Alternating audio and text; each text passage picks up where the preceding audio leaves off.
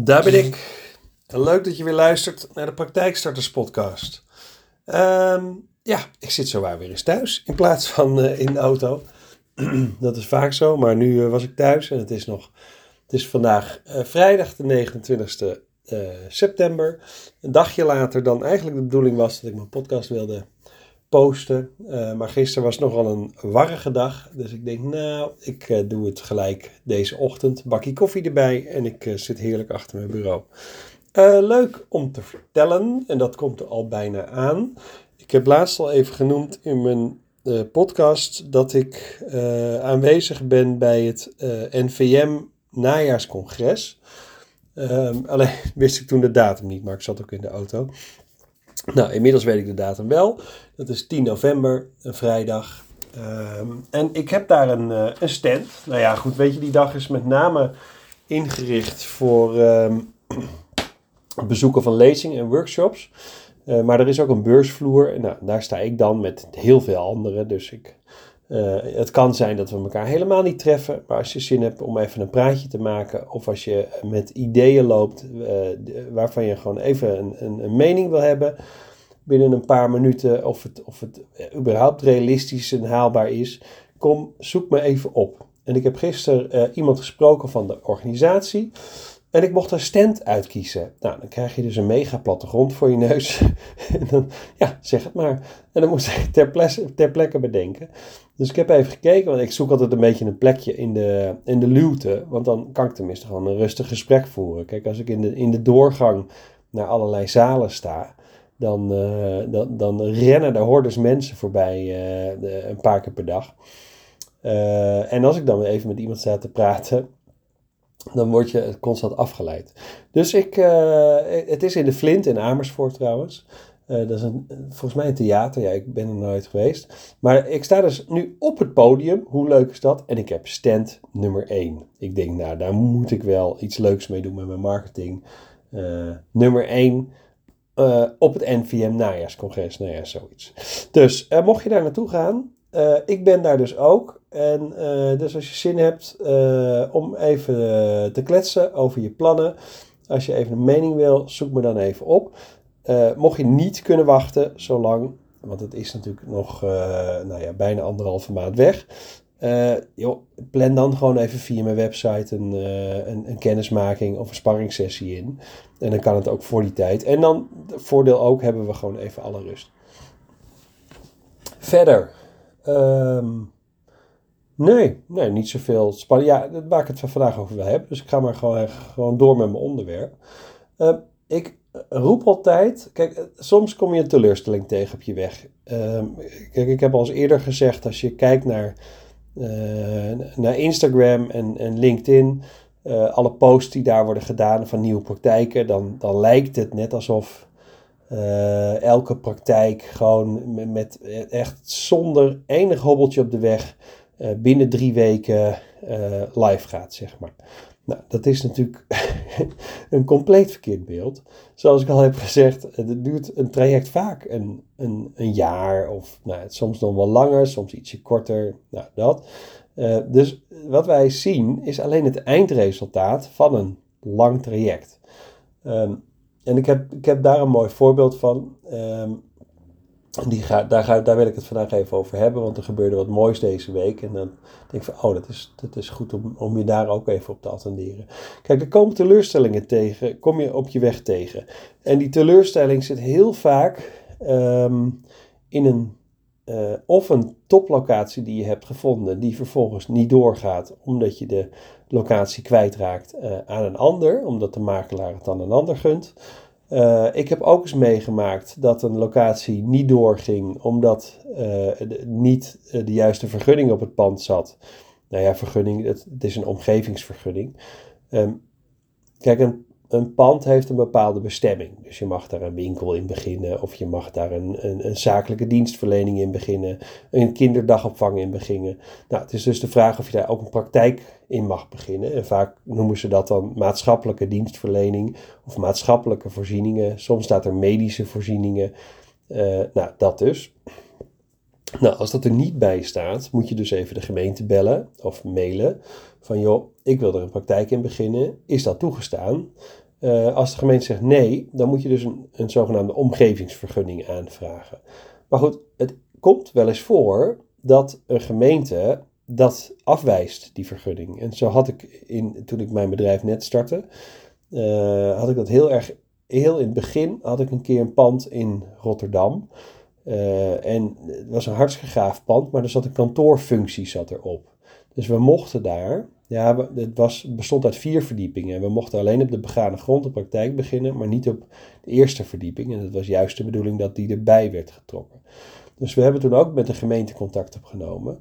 En dat, die aanvraag is dus afgewezen door de gemeente, want die zeggen van ja, weet je, we zien het, uh, we voorzien dat er in de toekomst te weinig kantoren zullen zijn in het centrum van Rotterdam. Uh, en daarom gaan we deze vergunning niet verlenen. Nou, weet je, dat is gewoon een mega domper. Want jij zag waarschijnlijk jouw praktijk al uh, helemaal opbloeien op die plek. Je had het al voor jezelf helemaal ingericht. En je kon, ja, dus je, je, had het volledig gevisualiseerd hoe, hoe je daar zou gaan zitten uiteindelijk.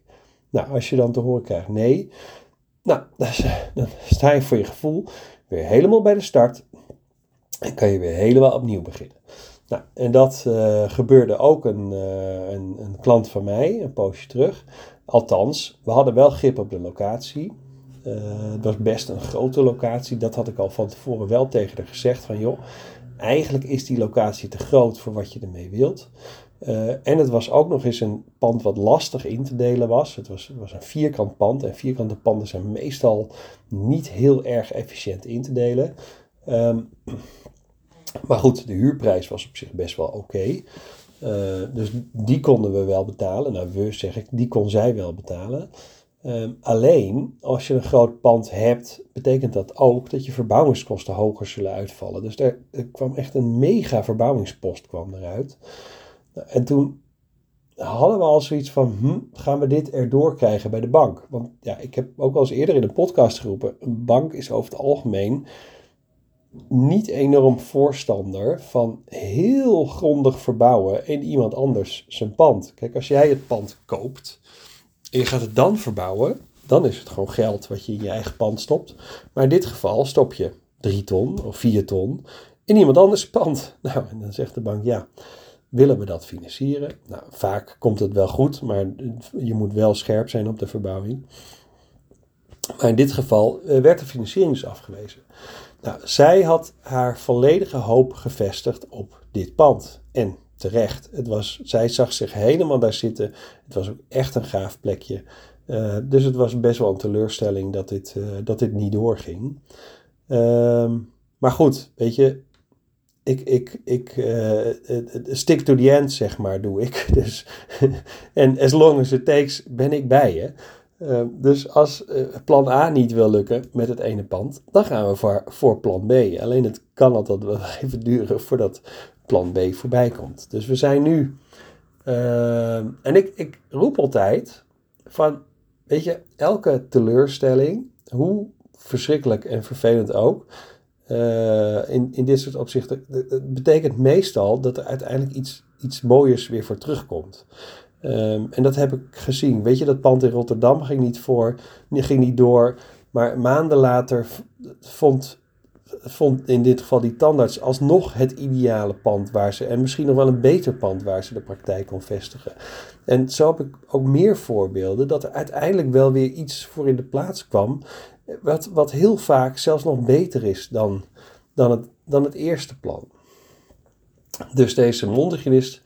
Uh, die, die was wel een beetje gefrustreerd. Die zegt, ja, en ik zoek maar rot en ik kom niks tegen. Nou, daar heb ik volgens mij de vorige podcast ook iets over gezegd. Ehm, en toen belde ze me ineens afgelopen maandag op. En uh, ze zegt, nou, er is nu iets uh, op mijn pad gekomen. Ze zegt, er staat een praktijkje te koop. Niet heel groot, uh, max twee kamers kunnen erin. Maar ja, dat is precies wat ik wil, want ik wil ook niet groter dan dat. Uh, het is ook nog eens vlak bij mij in de buurt. En de prijs is gunstig. Sterker nog, de prijs is zo gunstig dat ik niet eens naar de bank hoef. Ik kan het uh, betalen van mijn spaargeld en ik kan er zo intrekken. Nou, ze was echt heel in de nopjes. En, uh, dus we hadden een superleuk gesprek afgelopen maandag. En, en ze, ze, ze was daar, ze zou daar naartoe. Um, op dinsdag had ze daar een afspraak. Dus ik heb haar dinsdag, ik heb even gekeken naar de locatie, naar de praktijk. Uh, de praktijk was nog niet zo heel lang open en toch wordt die alweer doorverkocht. Nou, weet je, dan heb ik weer een beetje daar mijn twijfels bij van ja, waarom is dat dan? Dus ik, ik had haar uh, op basis van de info die ik had gevonden uh, een hele vragenlijst gestuurd van joh, als je daar dan bent, vraag dan, stel deze vraag aan de eigenaar, want ik, wilde graag achterkomen waarom die praktijk nu alweer doorgaat. Ehm, weet je, loop ook even door de buurt om te kijken hoe het daar is. Nou, ik had, ik had een hele lijst met dingen van, je let daarop. dus zij is daar dinsdag geweest kijken. En we hadden sowieso met elkaar afgesproken om uh, um, woensdag even met elkaar te bellen. nou, en ze was echt dol enthousiast toen ze woensdag... Want ik moet even helaas weer uh, water drinken, want mijn stem die doet nog steeds niet wat ik wil.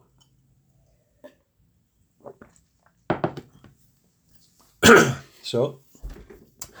Dus um, zij is daar wezen kijken. Ze had een leuk gesprek met de eigenaar. Helaas, zoals altijd natuurlijk, zijn er meerdere uh, geïnteresseerden. Maar ze was echt wel heel enthousiast. Dus ik zeg, ja, hou contact met de eigenaar. Geef gewoon aan uh, ja, dat je enthousiast bent. Uh, dat je niet naar de bank hoeft. En dat het wat jou betreft uh, op hele korte termijn kan. Omdat ze niet naar de bank hoeft. Dus ik zeg, joh, als als zij nog daar, daar wat werkzaamheden moeten doen, of ze moeten dingen afronden, of ze willen nog dingen verhuizen of eruit halen, dan weet je, maak er dan 1 november van. Dan hebben jullie alle twee een maand om de boel voor te bereiden. Sowieso moet zij zelf volgens mij ook nog een AGB-code aanvragen voor die praktijk. Um, dus nou ja, dat soort dingetjes. Maar wat ik, wat ik hiermee wil zeggen is, zij was dus echt een paar maanden terug zo diep teleurgesteld over het pand dat niet doorging.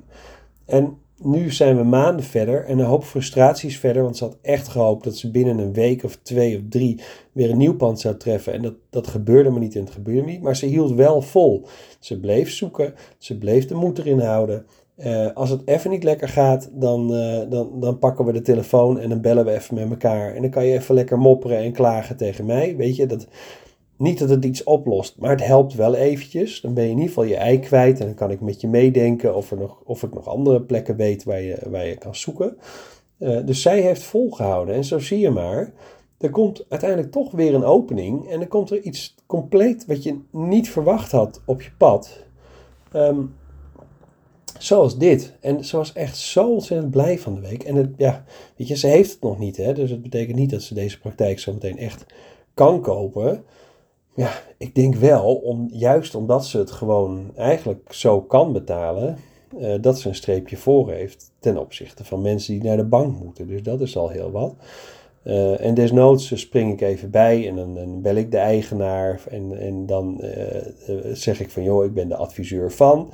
En uh, ja, weet je, ze wil het heel graag hebben. Dus hoe krijgen we dat voor elkaar dat we dat zo snel mogelijk kunnen regelen? Nou, dat. Nou, en, en dat is eigenlijk de hoofd, de strekking van het verhaal van vandaag. Um, hobbels zijn er altijd op je weg. Die zijn er je hele leven. Dingen gaan nooit vlekkeloos zoals je zou willen. En als het wel een keer vlekkeloos gaat, dan is mijn ervaring dat het eerder mazzel is dan dat het, uh, dat het de bedoeling was. Um, dus ja, uh, ja, je mag absoluut de teleurstelling hebben. Je mag je absoluut heel zielig voelen. Heb ik ook geregeld, dat ik echt even medelijden met mezelf heb. Maar daarna vind je altijd weer een manier om, om door te pakken en verder te gaan. En, en de moed weer bij elkaar te rapen. En misschien op een andere manier naar dingen te kijken. En, en dan ontstaan er openingen. En dat zie je ook aan deze mondhygiënisten. Dat heb ik inmiddels bij meerdere mondhygiënisten gezien. Dat er altijd weer iets heel gaafs voor in de plaats komt. En vaak is, het, is hetgeen wat er voor in de plaats komt veel beter, uh, minder risicovol, uh, betaalbaarder dan het allereerste plan wat je had. Dus hou vooral de moed erin. En ik denk dat dat eigenlijk de belangrijkste boodschap is. En als je de moed gewoon kwijt bent, als je echt denkt van nou het is niet voor mij weggelegd en, en uh, alles zit tegen en, en, waarom ook altijd ik, nou dan bel je dus mij en dan gaan we eens even een goed gesprek met elkaar hebben en dan praat ik je wel weer uit die dip en daarna heb je altijd weer zin om verder te gaan. Nou, daar sluit ik mee af. Ehm, ik hoop dat je wat aan deze podcast hebt gehad. Ik zou het vet leuk vinden als je mij eh, bijvoorbeeld in Spotify even een paar sterretjes wil geven. Want dan, dan wordt mijn bereik van de podcast groter. En dat vind ik alleen maar leuk. Uh, heb je onderwerpen of feedback? Uh, mail me gerust remco.secondent.nl en anders via mijn website. En ik zeg tot de volgende podcast.